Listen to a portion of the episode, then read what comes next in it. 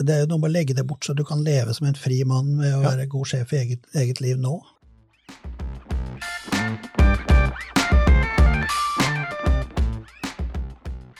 Jeg var jo mobbeoffer på ungdomsskolen sjøl. Men jeg eh, kan jo i dag Altså, det er jo tilbakelagt for Ja. meg, men jeg har vært i den situasjonen, ikke sant? Det var jo kjempevanskelig, men jeg kan jo la være å se på meg sjøl som et mobbeoffer i dag, eh, sjøl om jeg har vært et mobbeoffer for noen folk back then.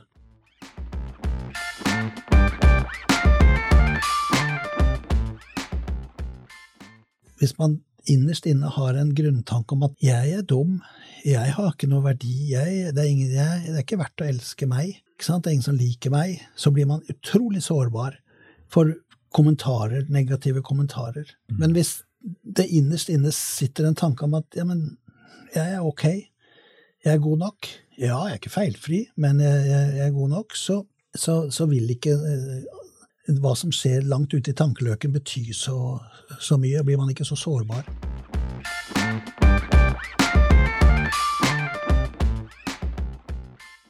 Det er svakhet som knytter oss mennesker sammen, ikke styrke. Ikke primært, i alle fall.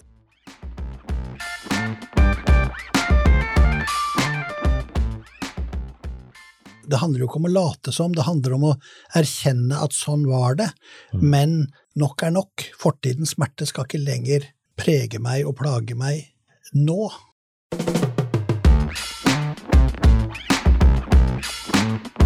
Du hører Mannspodden jakten på mannsidentitet.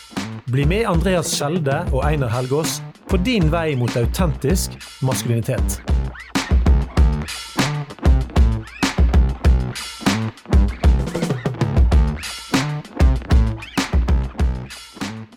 Å være en mann er å bære sår og arr, sa en klok mann. Velkommen til Mannspodden Jakten på mannsidentitet. Yes, og fordi dagens gjest, Øystein Elgen, var på ferie med den utrolig deilige familien sin halve november, så måtte vi faktisk eh, rett og slett snike inn den eh, store pornopraten. Håper dere setter pris på den. Men nå er det rett og slett eh, viktig for oss å kjøre videre på vår eh, ganske alvorlige, men veldig viktige samtale om sår. Eh, Og vi tenker det at det å finne ut av disse tingene litt, det kan være helt avgjørende for ens egen livskvalitet. Så dette, dette er ikke Vi kunne hatt mye lettere og gøyere stoff, kanskje, men eh, dette er iallfall utrolig viktig.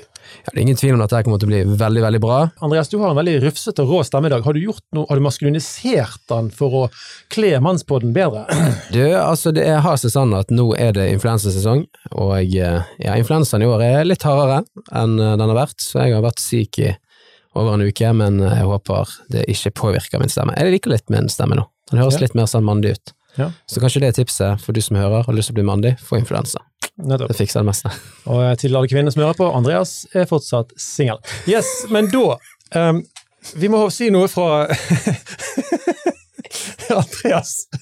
Greit. Du, eh, jeg har lyst til å si noe om at uh, disse som hører på oss enkelt, Av og til så møter vi dem. Og det er jo veldig veldig gøy. Vi gleder oss alltid til å møte uh, mannspodlyttere. Og for en liten stund siden så, så var det en voksen dame som jeg kjenner, som kom litt bardust på meg, og så sa hun med ettertrykk Jeg har hørt alle episodene av Mannspodden, og jeg har fått et helt nytt syn på mannen min. Ja, det, det, det er fantastisk, og eh, bare for å spille videre på det, så var jeg på et sånt julebesøk, og da møtte jeg faktisk en kvinne. Eh, som faktisk hadde bursdag på akkurat samme dag som meg, og jeg er like gammel som meg, men det er en annen historie. Men hun sa at hun hadde hørt nesten alle episodene, og til og med anbefalt den for eh, kollegaer. Så det var, det var veldig fint. Ja, Mer av det. mer av det. Vi tror det er bra. Jeg er enig. Men eh, jeg tenkte jeg skulle snike inn en ny eh, spalte. Vi er jo glad i eh, rett og slett i spalter helt generelt. Eh, denne heter Dagens tips. Og det har jeg lyst til å stjele da fra en kompis av meg som eh, er rundt eh, 50 år. Han eh, ble empty nester, altså ungene var flyttet ut på diverse skoler og hytt og pine, og plutselig så dro kona av gårde på jobb et annet sted i landet. Og da tenkte han, og jeg syns dette var veldig smart, han tenkte nå kan jeg komme til å gå i Grandis-fella. Mann hjemme alene, kone er veldig flink til å lage mat, så nå plutselig så lager han bare møkkamat eh, hver dag. Hva gjorde han? Uken før han ble alene, så bestilte han singelkassen fra Adams matkasse.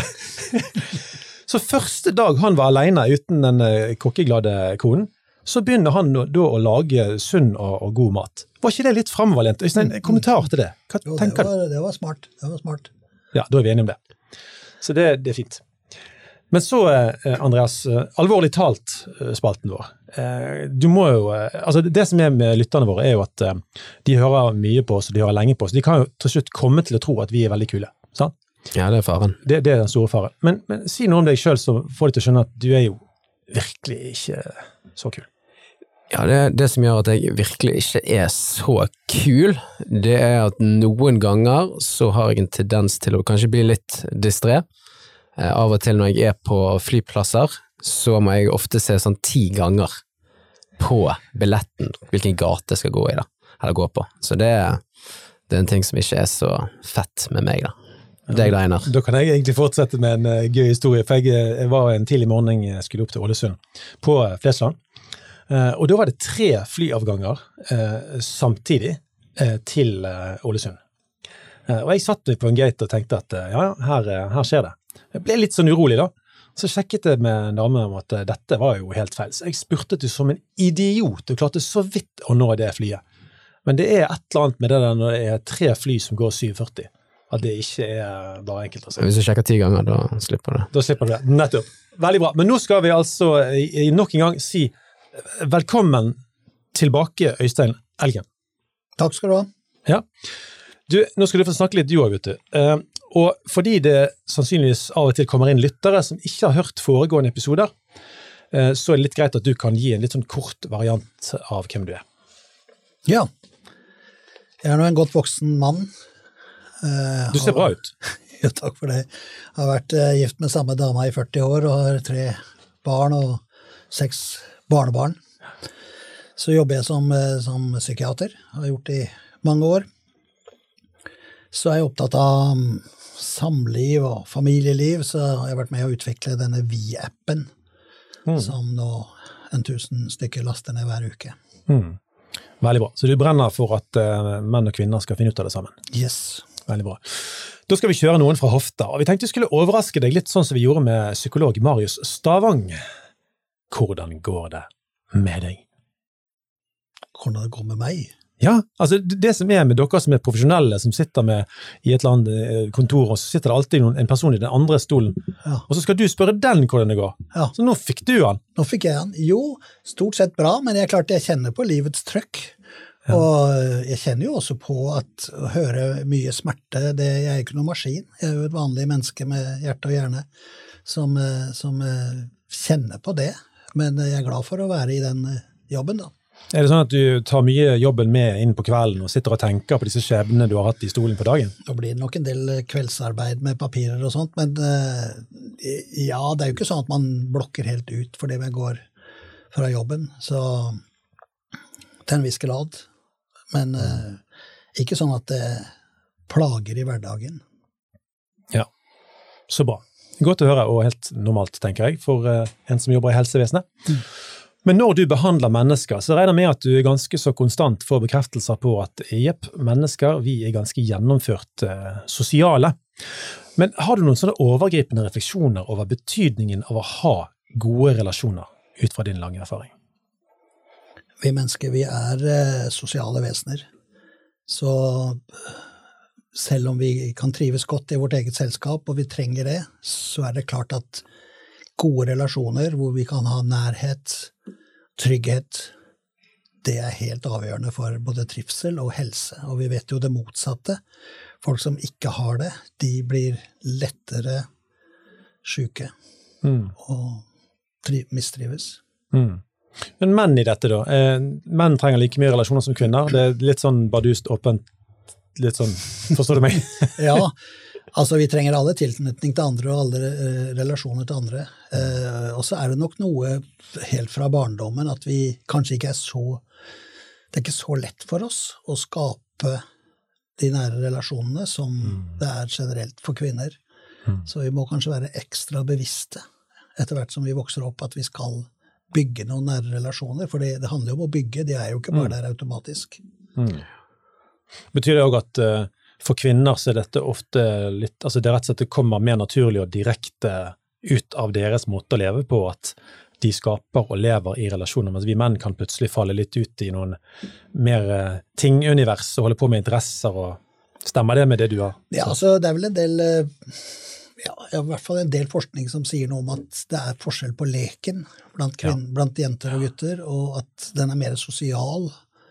Eh, bygger mer på det sosiale, både på godt og vondt, for, mm. Eh, for jenter. Og dette tar man jo med seg opp i livet. Hmm. Jeg kan, kan, jeg bare skyte inn, hva type ja. leker er det kvinner gjør mer enn gutter? Har man sett noen sånne konkrete eksempler, eller er det Det er nok mer at det er mer sosialt. Sosial, det er mer sosial lek. Mm.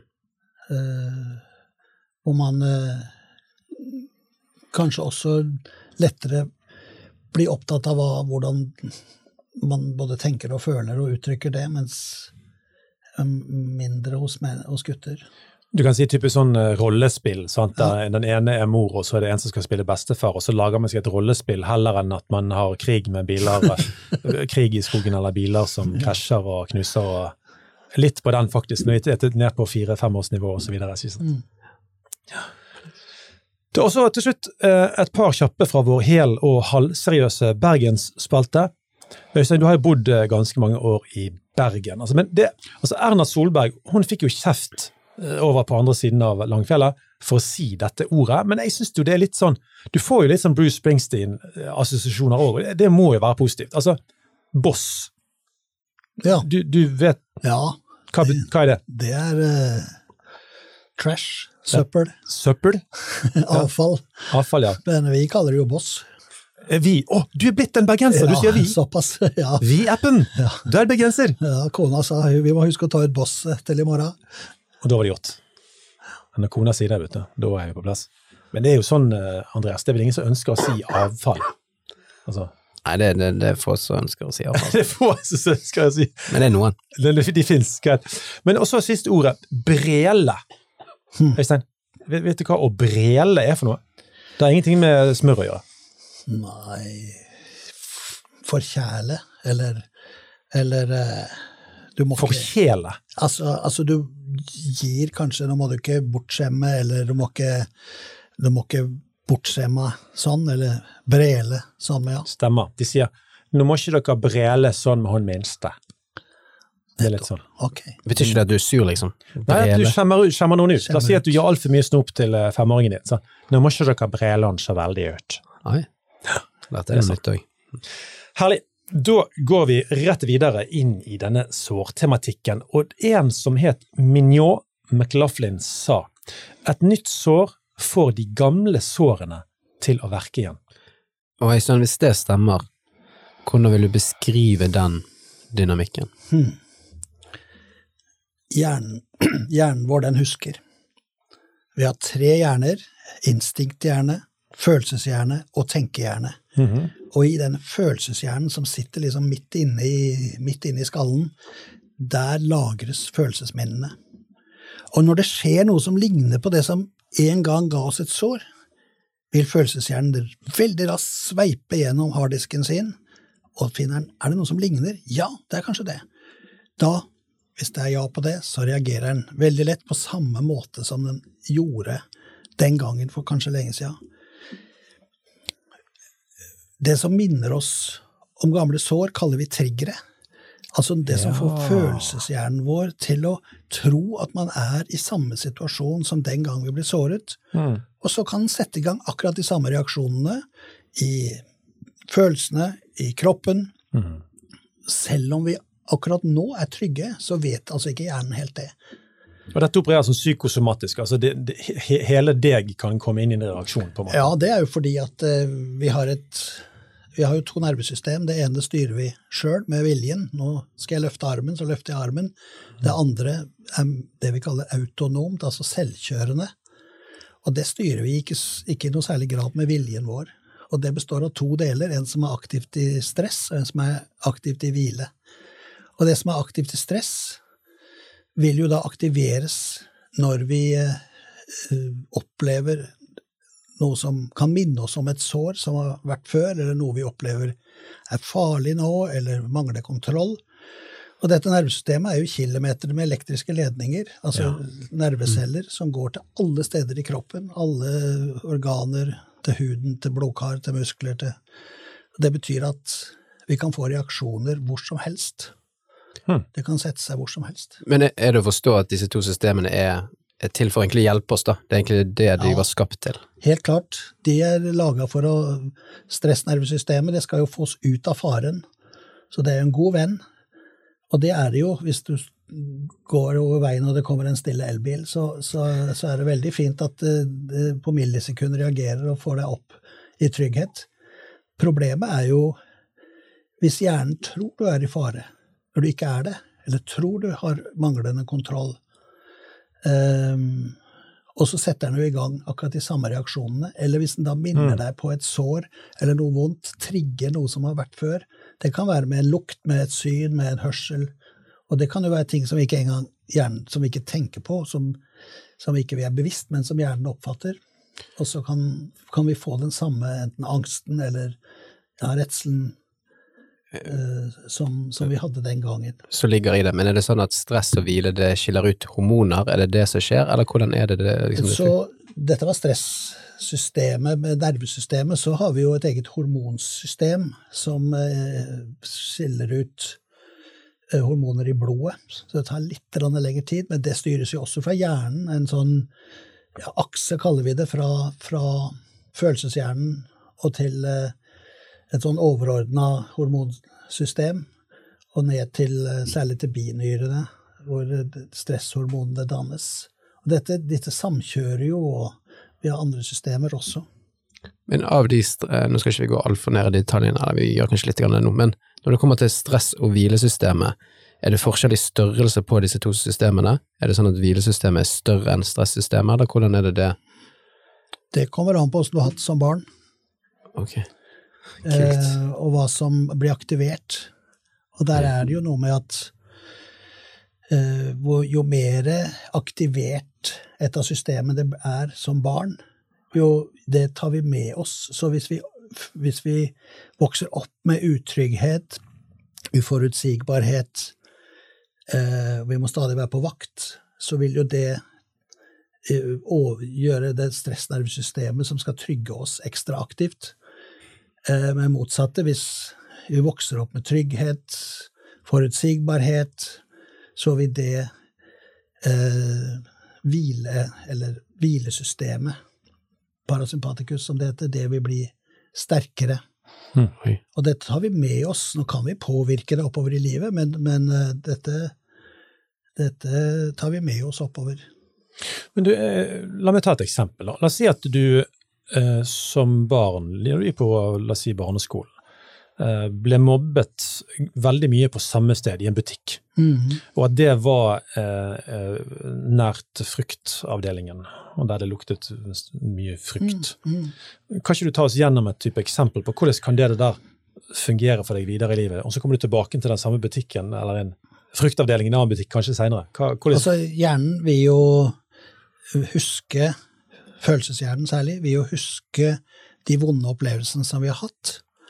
Og hvis det var inne i, særlig inne i den butikken, så, så vil man nok i hvert fall stor sjanse for at hjernen vil bli trigga hvis man går inn i den samme butikken. Nå har det vært bestemte lukter, eller eh, det var eh, de sure bananene, nei, sure, en eller annen sur frukt man blir mobba med, kasta på. Så er det klart, så kan det skape noen sånne sår. Så kan man også bruke det motsatt, da. At eh, hvis du vil ha, finne ro, så kan du jo så er det, kan det være smart å, å lukte på en sånn solkrem som minner deg på at oi, nå ligger jeg på stranda nede Ja, på, eh, der, med, med varm eh, sol, og det er det som trigger. Litt sjø- sjølveterapi? Ja, ja, det er sånn eh, Om ikke akkurat hypnose, så er det så er det Man kan jo bruke de, de midlene man har til å eksempel finne roen, men det, det, så det kan gå begge veier, dette her. Interessant. Det var, det var en som sa når du ikke kan huske hvorfor du er såret, er du kurert. Men min kone, som jobber profesjonelt med traumebehandling, sier at det faktisk kan være det motsatte. La oss si at du f.eks. har opplevd overgrep som barn. Så har du fortrengt dette så sterkt at du faktisk ikke husker det. Men så kommer det en sånn negativ lekkasje utover i livet, som kan øke i omfang eh, og alvor. Da. Og da blir det jo egentlig innhentet av gamle sår. Øystein, dere som er proffe på dette, hvordan kan en ta tak i sånne ting, hvis du er enig da, i, i beskrivelsen? Altså særlig traumer som blir påført oss når vi er veldig små. Det er klart, De husker ikke nødvendigvis tenkehjernen, men de kan jo ha skapt, skapt sår i, i følelseshjernen. Mm. Og de vil gjøre noe med oss. Men ikke alltid at vi kan forstå hva som da skjer, fordi vi har ikke et, kanskje et, et, et, eh, klart forståelse av hva som, hva som, har vært. Så det er klart at sår som vi ikke kan huske, de kan gjøre noe med oss. Eller de vil ofte gjøre det, og det vil være en eller annen lekkasje. Det er vel umulig å unngå det, egentlig, vel? Mm. Du, kan, du, kan, ikke leve upåvirket av et faktisk sår, vel? Nei, det spørs jo selvfølgelig hvor stort såret og, og, hvor tidlig i livet, og hvor mye det har vært, og, og, ja. og sånn. Men, eh, men sterke uh, altså, traumer som vi opplever, som, de vil jo sive ut. Um, og det er nok mange som opplever at det er et eller annet, og når man da begynner å, å jobbe med det, kanskje med en, en eh, behandler, så, så, vil man finne ut mer og mer hva er det som har, har, vært, sånn at man faktisk kan forholde seg til det. Mm. Men det vil sitte i denne følelseshjernen vår, disse sårene, og det, det vil kunne gjøre noe med oss. Mm. Men hvis en, hvis en um, merker at en får nærmest irrasjonelle reaksjoner i visse miljøer, sant? og at det, det, er sånne, det, er sånne triggere som får fram følelser som du bare plutselig blir overmannet av, eller du kjenner på sterke følelser som du ikke skjønner hvor i verden kommer dette fra. Altså Er, er løsningen oppsøk nærmeste psykolog eller psykiater? Ja, Det er vel ikke så lett å bare oppsøke en Ikke gjør det så vanskelig da, Øystein. si ja. Man, det, er jo en veldig fordel hvis man har noen eh, nære mennesker da, rundt seg. Begynn der, ikke sant? Begynn med noen, eh, en venn eller en. Eh, en, bror eller noen man er trygg på, noen man har tillit til. Um, og, men det er klart at hvis, hvis problemene tar tak, og man merker at det gjør noe med oss, gjør noe med en stadig vekk, så, så har jo de fleste av oss heldigvis en fastlege. Ja. Som, mm. Eh, som, der kan man starte, eller eh, det er en kommunepsykolog, eller, eller andre som driver med, med, med samtaler og er, og er erfarent med å lytte til folk. Mm. Altså, Det leder meg inn til det neste. Altså, Når det gjelder de vonde sårene, er det vel ingen vei utenom å gå inn i det smertefulle, avdekke det onde og søke helbredelse. Eller hva sier du til mm. dette? Jo, man må nok inn i det smertefulle. Uh, men det er avgjørende at det gjøres fra det livet som er nå. Tenk deg at du sitter på kino. Da sitter du i salen, og så ser du på en film som går på lerretet. Da sitter du på en måte og og, og, og um, ser og kan vurdere det som er i lerretet. Og det er jo den sunne måten. Men um, Og det er den måten å se på tidligere sår på. At man kan sitte med, ta noen skritt tilbake og, og se hva er det som har skjedd. Og da er det veldig viktig å etter hvert akseptere og forsone seg med at det vonde som har skjedd, det har faktisk skjedd. Men så kunne reflektere over det, og målet er å legge det bort i en krok eller en skuff og lokke igjen skuffen.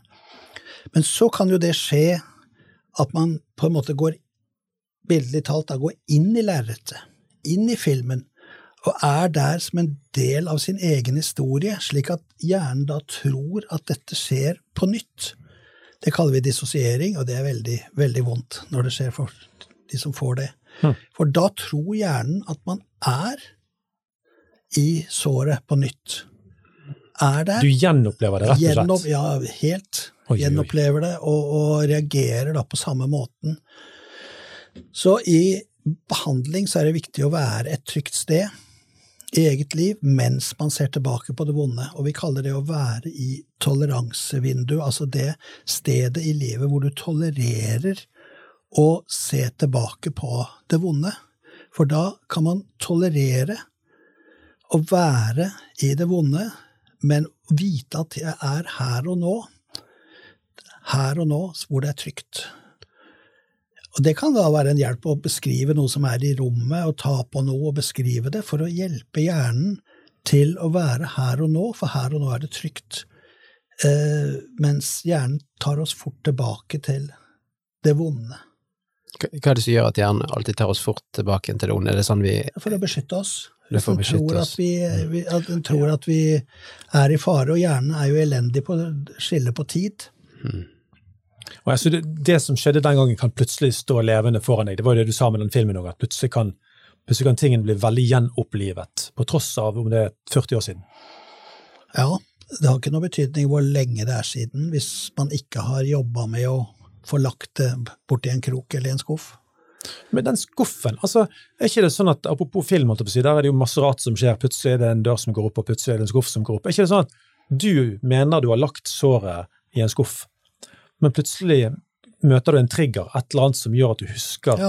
og plutselig så bare svinger skuffen seg opp, og så bare får du det midt i fleisen. Ja, det- Altså, du trodde jo du hadde gjemt det vekk, og at det ikke lenger skulle skade deg, eller Nei. minne deg om at du er svak, eller et eller annet. Først er det jo veldig viktig å akseptere at dette er en del av livet.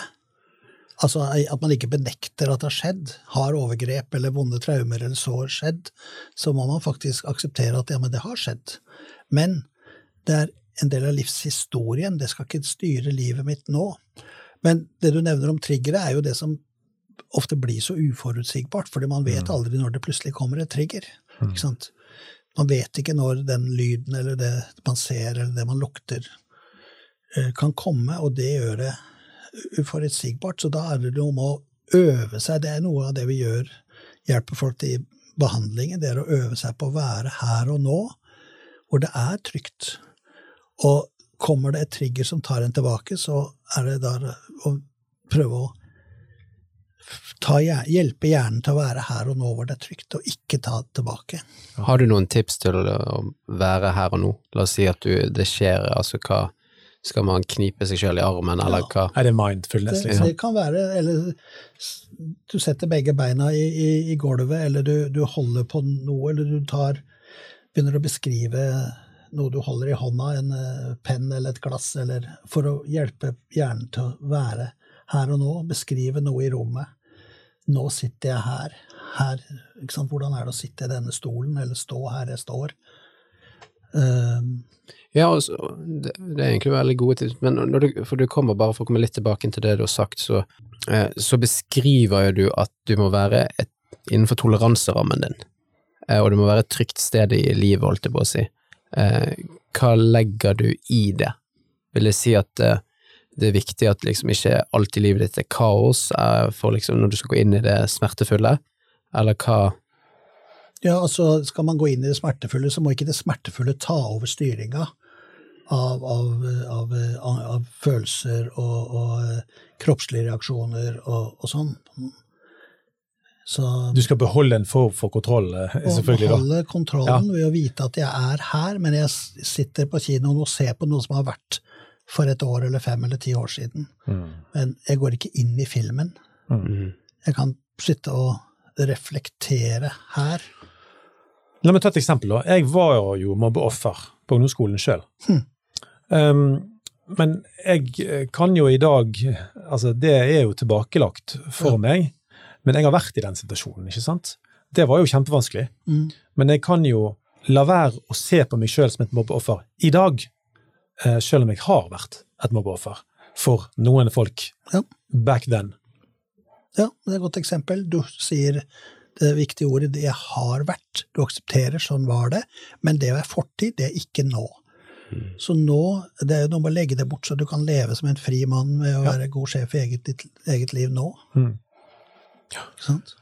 Men jeg, jeg tenker stadig vekk på ordet fornektelse her.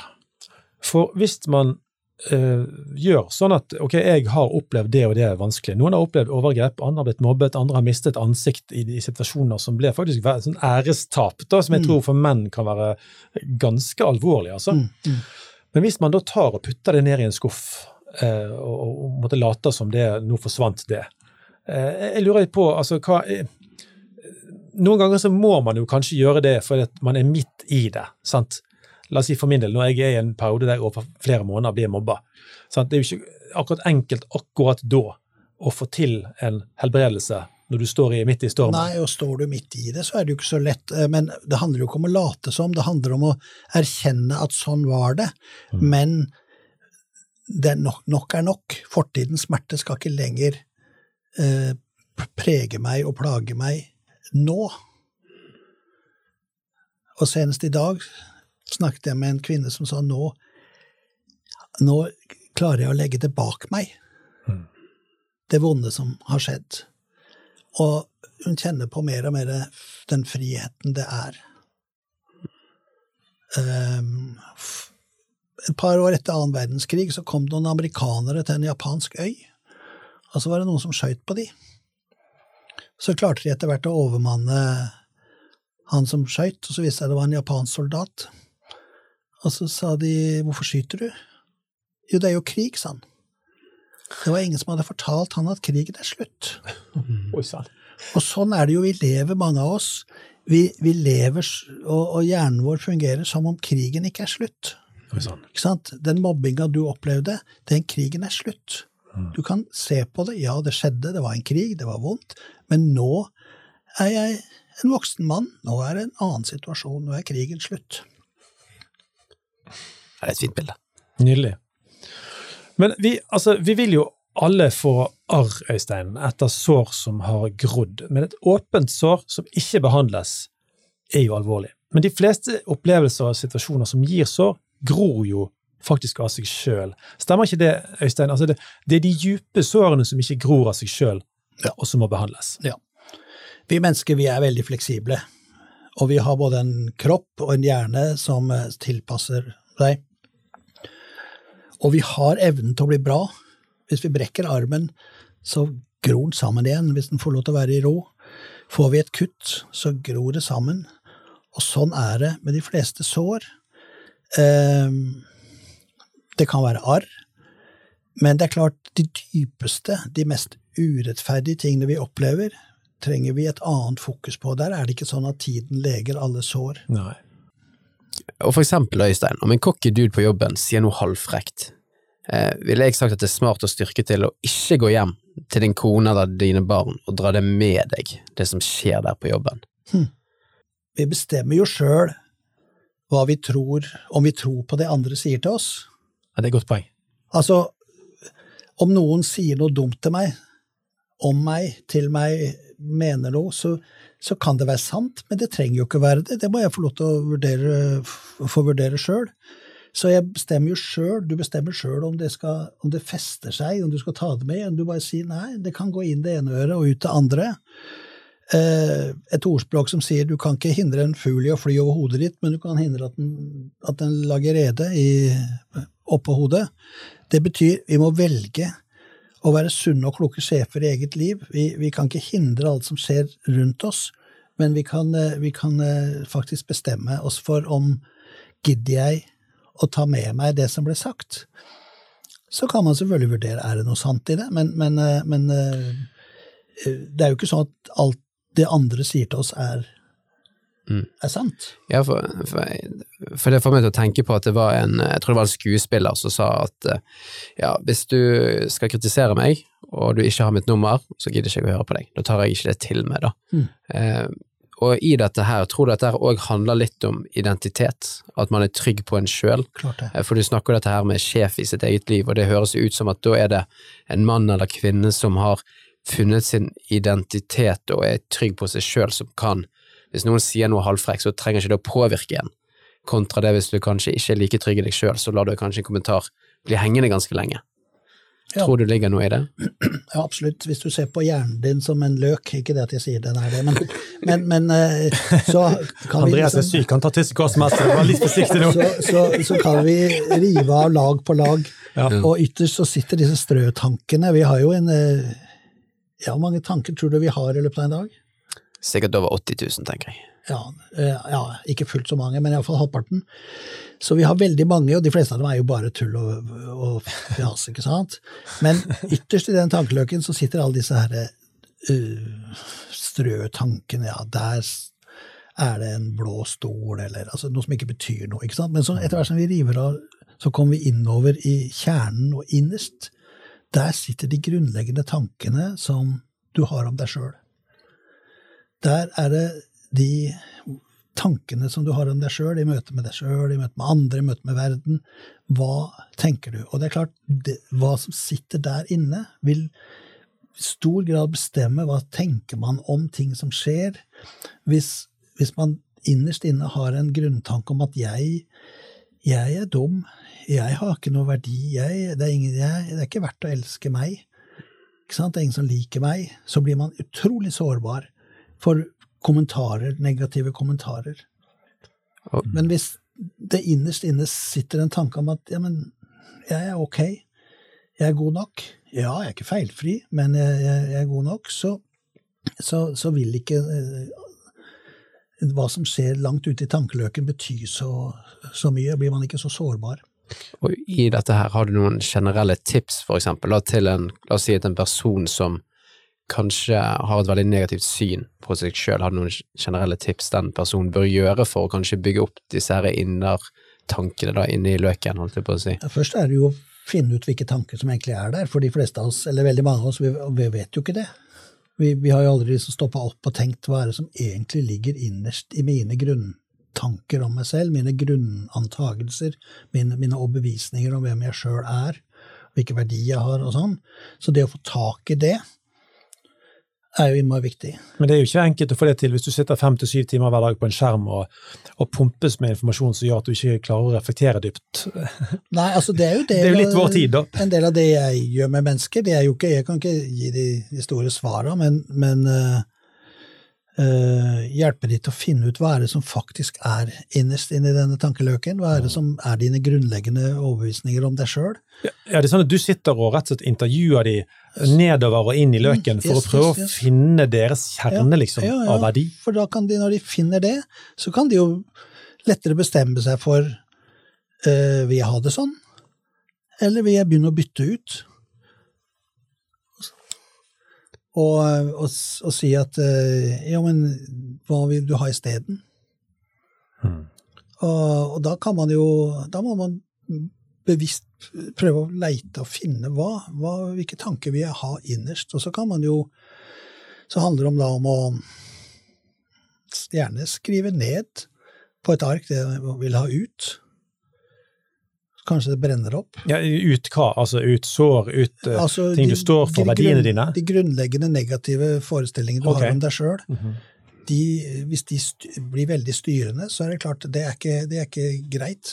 Og Da kan det være greit å se det svart på hvitt, for da kan du tenke at uh, hvorfor i verden tenker jeg dette om meg sjøl? Kan dette være sant? at du, Ja. du ransaker dine egne tanker, egentlig. Så jeg har vært flere ganger med mennesker som skriver ned, og så går vi utafor og så brenner vi det opp. Ja. eksempel, eller sånn, så det er en du spurte om konkret. Men så hjelper det ikke å bare hive ut noe. For da kommer det bare tilbake igjen, hvis ikke vi putter noe annet inn. Og da må vi finne ut hva, hvilke tanker kan, kan være en enkel tanke som man begynner å øve seg på. Og så må man øve og øve, fordi det å si noe negativt til seg sjøl har man kanskje gjort ikke bare én gang eller ti ganger, men 100 000 eller en million. Og derfor så må man jo øve seg. Det er ingen som eh, blir god på noe ved bare å si det én gang. Så det, den øvelsen blir jo kjempeviktig. Øvelse, da gjentar du Ja. den tanken, da. Ja, å øve seg i, både i si, fredstid og når man er i, i en utfordrende situasjon, på hva er det den Hva er det du egentlig vil si til deg selv? Hva, hva, er, det du, hva er det du sier til deg sjøl? Og da kan man jo um, Så det, det handler om å øve, øve ja. Du, altså, Øystein, jeg, jeg har sett dette noen steder, og det irriterer meg at det er vel vanligvis jenter som gjør det, men enkelte har jo sånne, sånne ord hengende ved siden av speilet på badet. Ja. Altså, eh, du er grei, du er verdifull. eh, Du har ikke det, du? Look at how smashing you look today, darling. altså, forstår du meg? Hva, hva bør stå på den lista, eh, om du er en mann eller kvinne som klesser deg opp ved siden av speilet ditt? Hva som bør, altså hva andre bør skrive. men Nei, det må jo hva du bør skrive til deg sjøl. Er altså noe som, eh, som uh, gjør at man får et sunt og sant selvbilde. Ikke sant? Altså, det, det trenger ikke å være at man er verdensmester eh, på, på alt her i verden, men, men uh, at det å være god nok. Ja. Ikke sant? Altså Ja, jeg, Du- jeg er god nok. Du er god nok som du er. Ja. Ja. Kan jeg, kan, kan jeg komme med et tips, så kan vi se om dette er riktig, da? Det, det, det er veldig gøy. Nei, For det jeg liker, jeg har lært litt fra Tony Robbins, eh, som er en sånn der eh, amerikansk eh, tankeekspert eller motivator. Og det er liksom å si ord om seg sjøl, samtidig som man på mange måter bruker kroppen sin, da. At man liksom tar ordet og bare begynner å slå seg sjøl på brystet eller gjør noe Det er litt sånn mandig, for vi må ha litt mannsbånd, ikke sånn smashing. Men Jeg er verdifull! ja, jeg er verdifull, ikke sant, og slår og liksom virkelig bruker hele kroppen, Ja. eh, samtidig som man skriker det ut, så ikke gjør det her i byen, da, der det er mange folk rundt deg, men kanskje på en Det kan bli en bevegelse. En god, positiv eh, self-help moment. Jeg vet ikke om vi trenger det, eh, men, men i hovedsak tror du det hjelper Øystein, å liksom bruke kroppen når man sier ting, eller holder det egentlig bare det å si ting? Det blir mye sterkere. Det er ikke noe jeg tror, det er noe vi vet. Det blir mye sterkere uh, hvis vi bruker kroppen. Har du prøvd å si til deg sjøl at uh, hvis du bøyer hodet langt ned og står, står framoverbøyd, og så sier du 'jeg er så glad', 'jeg er så glad', ikke sant? Ja, det- Eller hvordan er det å rette seg opp og kanskje strekke armene opp og, så, og si det samme? Det har en helt annen effekt. Hæ. Så det er klart at uh, kroppen vår sender jo signaler til hjernen hele tiden, mer enn hjernen sender til kroppen. Uh, og, og det er jo samspill hele tida. Det er jo grunnen til at vi har en hals. Det må jo være et, et sted hvor dette kobler sammen.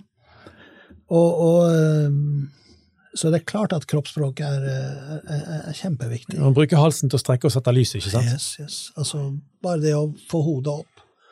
Tenk på hva det gjør med deg. Det er bare å kjenne etter, ta hodet langt ned, og, eller, eller strekke seg opp. Rakryggethet, det vil vi ha. Og bare for å spille litt videre på det, for i dagens samfunn så sitter vi mye, sånn som Einar nevnte, foran en skjerm. Og da blir jo man mer og mer sammenkrøket, da. Eh, Tror du det kan ha hatt noe innvirkning, for vi ser jo at selvfølgelig det- det er mange faktorer som spiller inn i dette her, eh, men tror du det kan ha en innvirkning på at man ser økt ja, negative følelser blant både ungdommer og eldre knyttet til dette her, eh, til det sosiale, da? At det har, kan òg ha samspill med våre kroppslige holdninger? Er det gjort noen eh, undersøkelser på det? Det vet jeg faktisk ikke, men eh, vi vet jo mye om, uh, om selvbildet og hva som bygger det. Om det bare er fordi vi ser ned i en skjerm, det er jeg ikke så sikker på, men, men det handler jo noe om at vi hele tiden må være ja, ikke bare gode nok, men vi må være veldig gode. Vi må helst være perfekte, ikke sant? Og, og hvis selvbildet vårt, det altså det jeg tenker om meg selv, det jeg sier til meg selv om meg selv, hvis det er avhengig av at jeg får hele tida positive tilbakemeldinger fra andre, så blir vi jo utrolig sårbare, og det er klart da eh, Ja, det er, en, det er en sårbar situasjon hvor, eh, hvor det er mye mer sunt hvis man klarer å, å sette seg ned og tenke er, hvilke verdier er jeg egentlig har sjøl. Men det vi svinge oss litt videre til dette med menn og sårbarhet og litt sånne ting. Det finnes jo en sånn jeg tror det er en allmenn oppfatning av at menn og sårbarhet ikke alltid er så utrolig gode venner. Øystein, opplever du at menns behov for å være tøff og sterk kan stå til hinder for en god psykisk helse? En god selvoppfatning og et godt liv? Altså det utad å være tøff og sterk betyr jo ikke at man er tøff og sterk inni. Nei. For mange er det nok det nettopp et, et, en måte å beskytte seg på, å være veldig tøff utad, hvor man kjenner på ekstra sårbarhet inni seg. Um, så for mange er det nok et, et forsvar, men det Men litt forsvar, altså til og med dyr, altså dyr har jo pels, liksom. Altså det du har jo noe som forsvarer deg, som gjør at alt utenfra ikke kan komme rett inn til hjertet ditt. Så noe forsvar må vi vel ha, men spørsmålet er vel når denne tøffheten blir eh, faktisk et problem, da. At det gjør til at ikke du har den kontakten med mennesker som gjør at du, at du faktisk har det godt sjøl òg, da. Ja, først er det jo kontakt med, sine, med seg sjøl, altså med sine egne Både hva man tenker og, og hva man føler.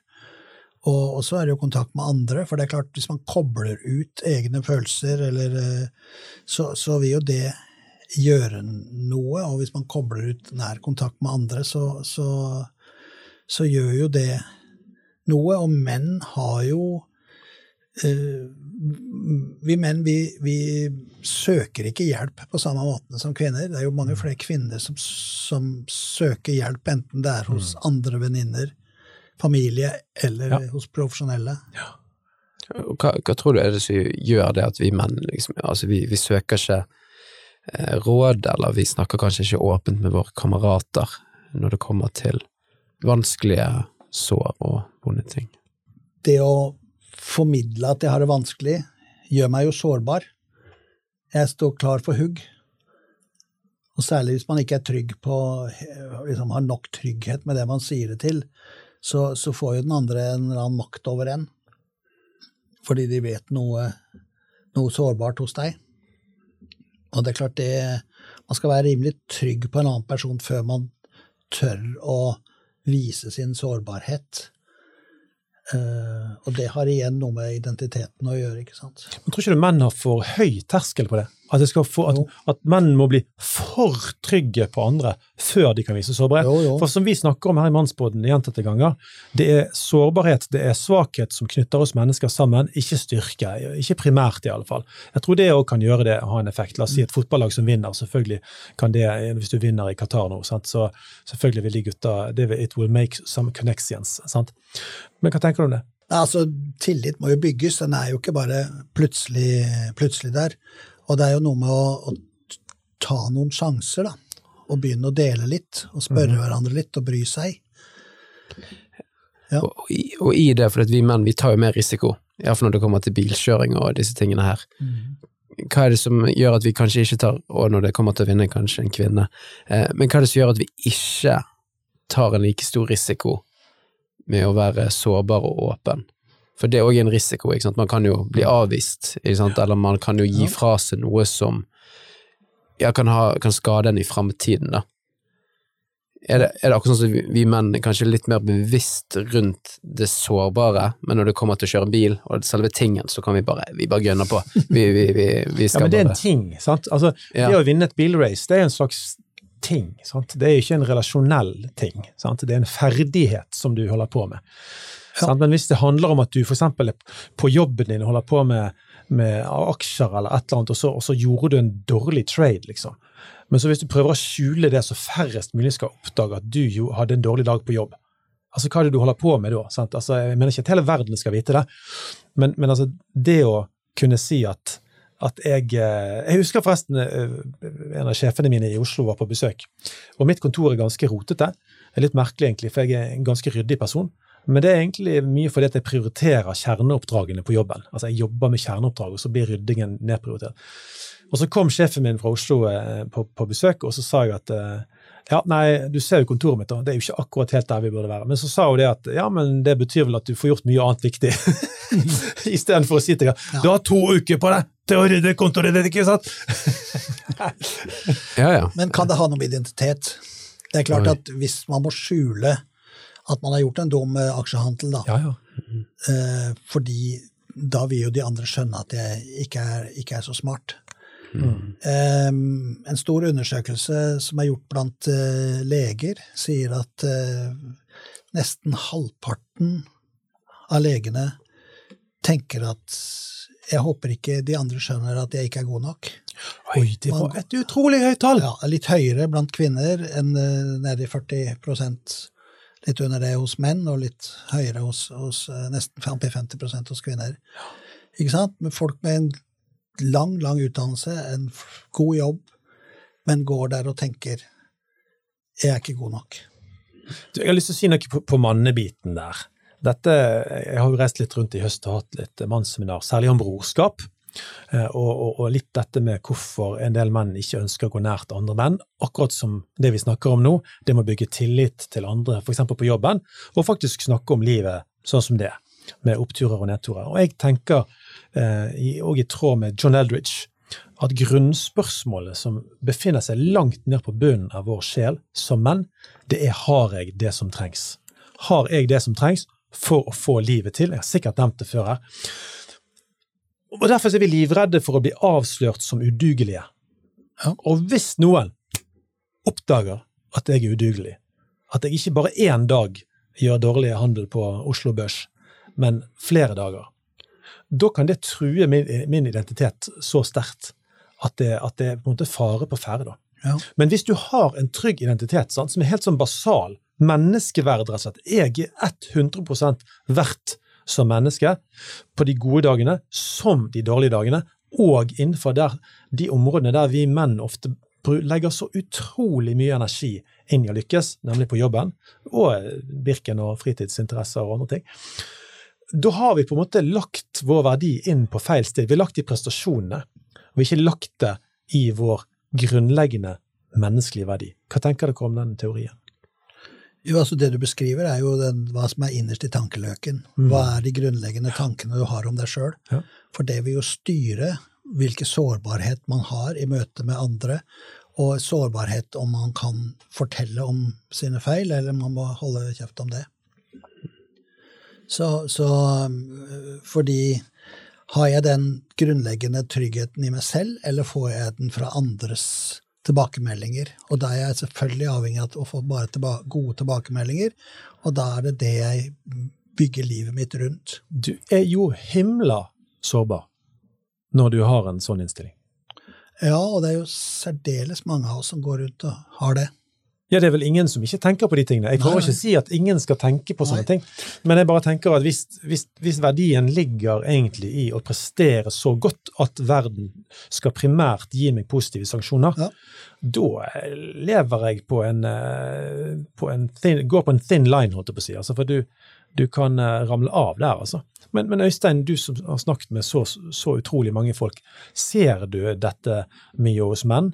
At, at, en, at en går egentlig med en redsel for å bli avslørt for å være udugelig i arbeidslivet og i familielivet òg. Man kan jo ønske å skjule for sin egen kone og for sine barn ting som man ikke er god på. Jeg må nok si ja. Hver uke så er dette uke, et viktig, ja. viktig tema. Og gjerne flere ganger. Ja, har selvironi tørka litt ut i samfunnet vårt? Altså, hva er det som skjer her? Altså, det, å, det, å, det å ta litt luften ut av eh, at vi er jo selvfølgelig ikke gode på alle ting. Altså, kanskje vi får tilbake en litt sånn godt humør rundt dette rare livet vårt? Jo, det hadde vært smart. nei, nei, men altså, det er jo noe med å, å senke terskelen. Altså, det å at 70 det er bra nok, det må ikke være over 95 Ja, sant? for å prestere.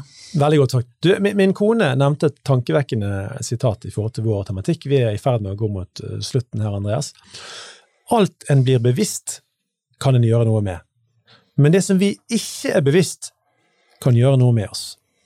Kan du forklare det litt, Øystein? Hva betyr det i praksis når vi liksom snøbler fremover for å få dette merkelige livet til å henge sammen? Det er et godt og, og sant sitat. Eh, Både genene vi er født med og erfaringene vi har fått i livet, former oss til de vi er. Men ingen av oss er helt klar over alt som er med å styre hvorfor jeg tenker, hvorfor jeg føler, hvorfor jeg sier det jeg gjør. Altså, jeg forstår ikke hele meg. Uh, skulle hatt noe å tegne på nå, men, men eh, det var to psykologer som, som beskrev dette her i noe som de har kalt Joharis vindu.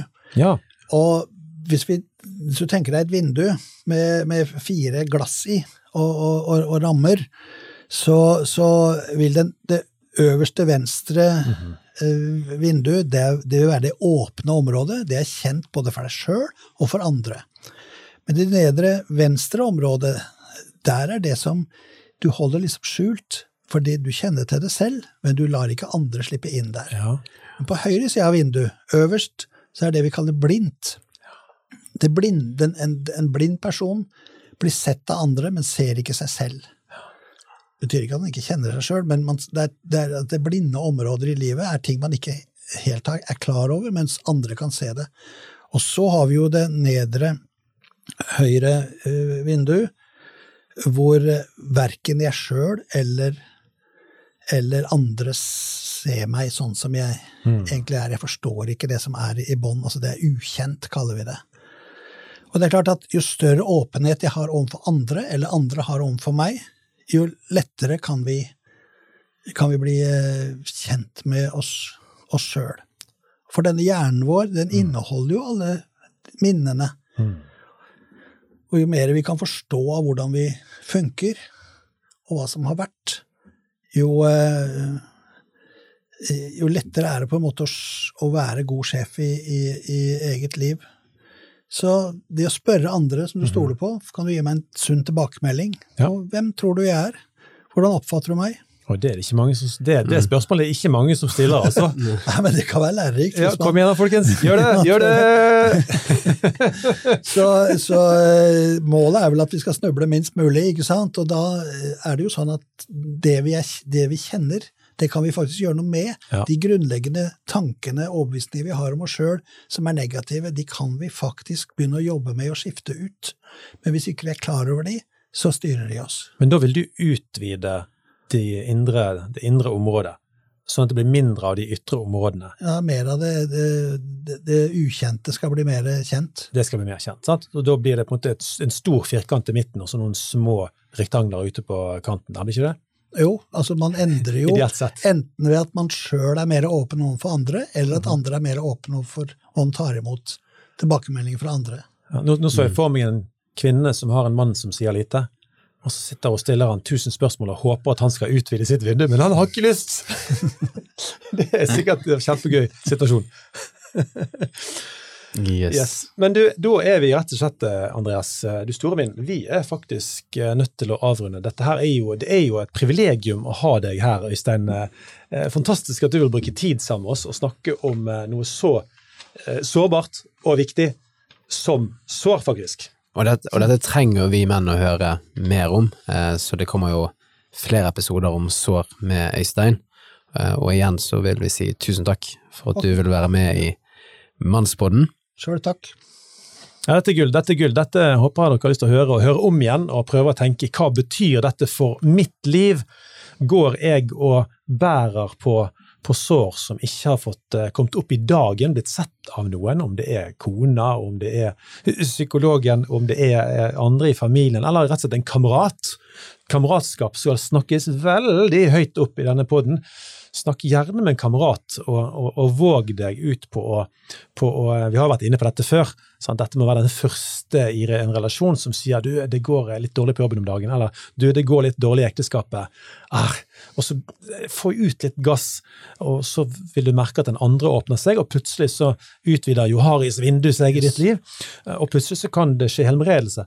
Til og med kun i det øyeblikket du forteller dette.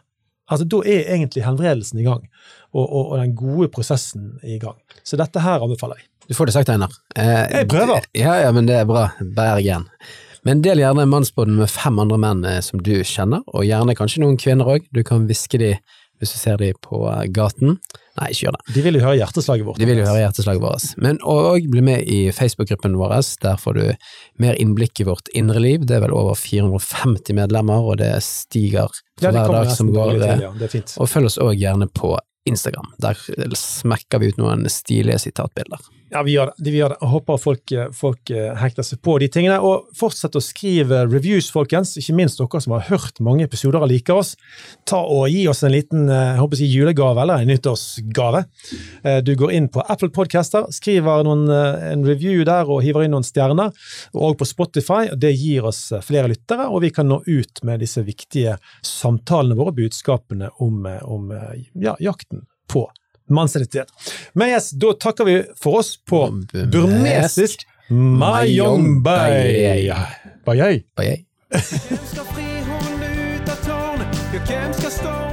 Mens du venter på neste episode, del gjerne mannsbåden med fem andre menn, så de kan koble seg på jakten på mannsidentitet i en kjønnsnøytral tid. Hvis du ønsker å lære enda mer om denne tematikken, følg mannsbåden på sosiale medier. Vi snakkes. la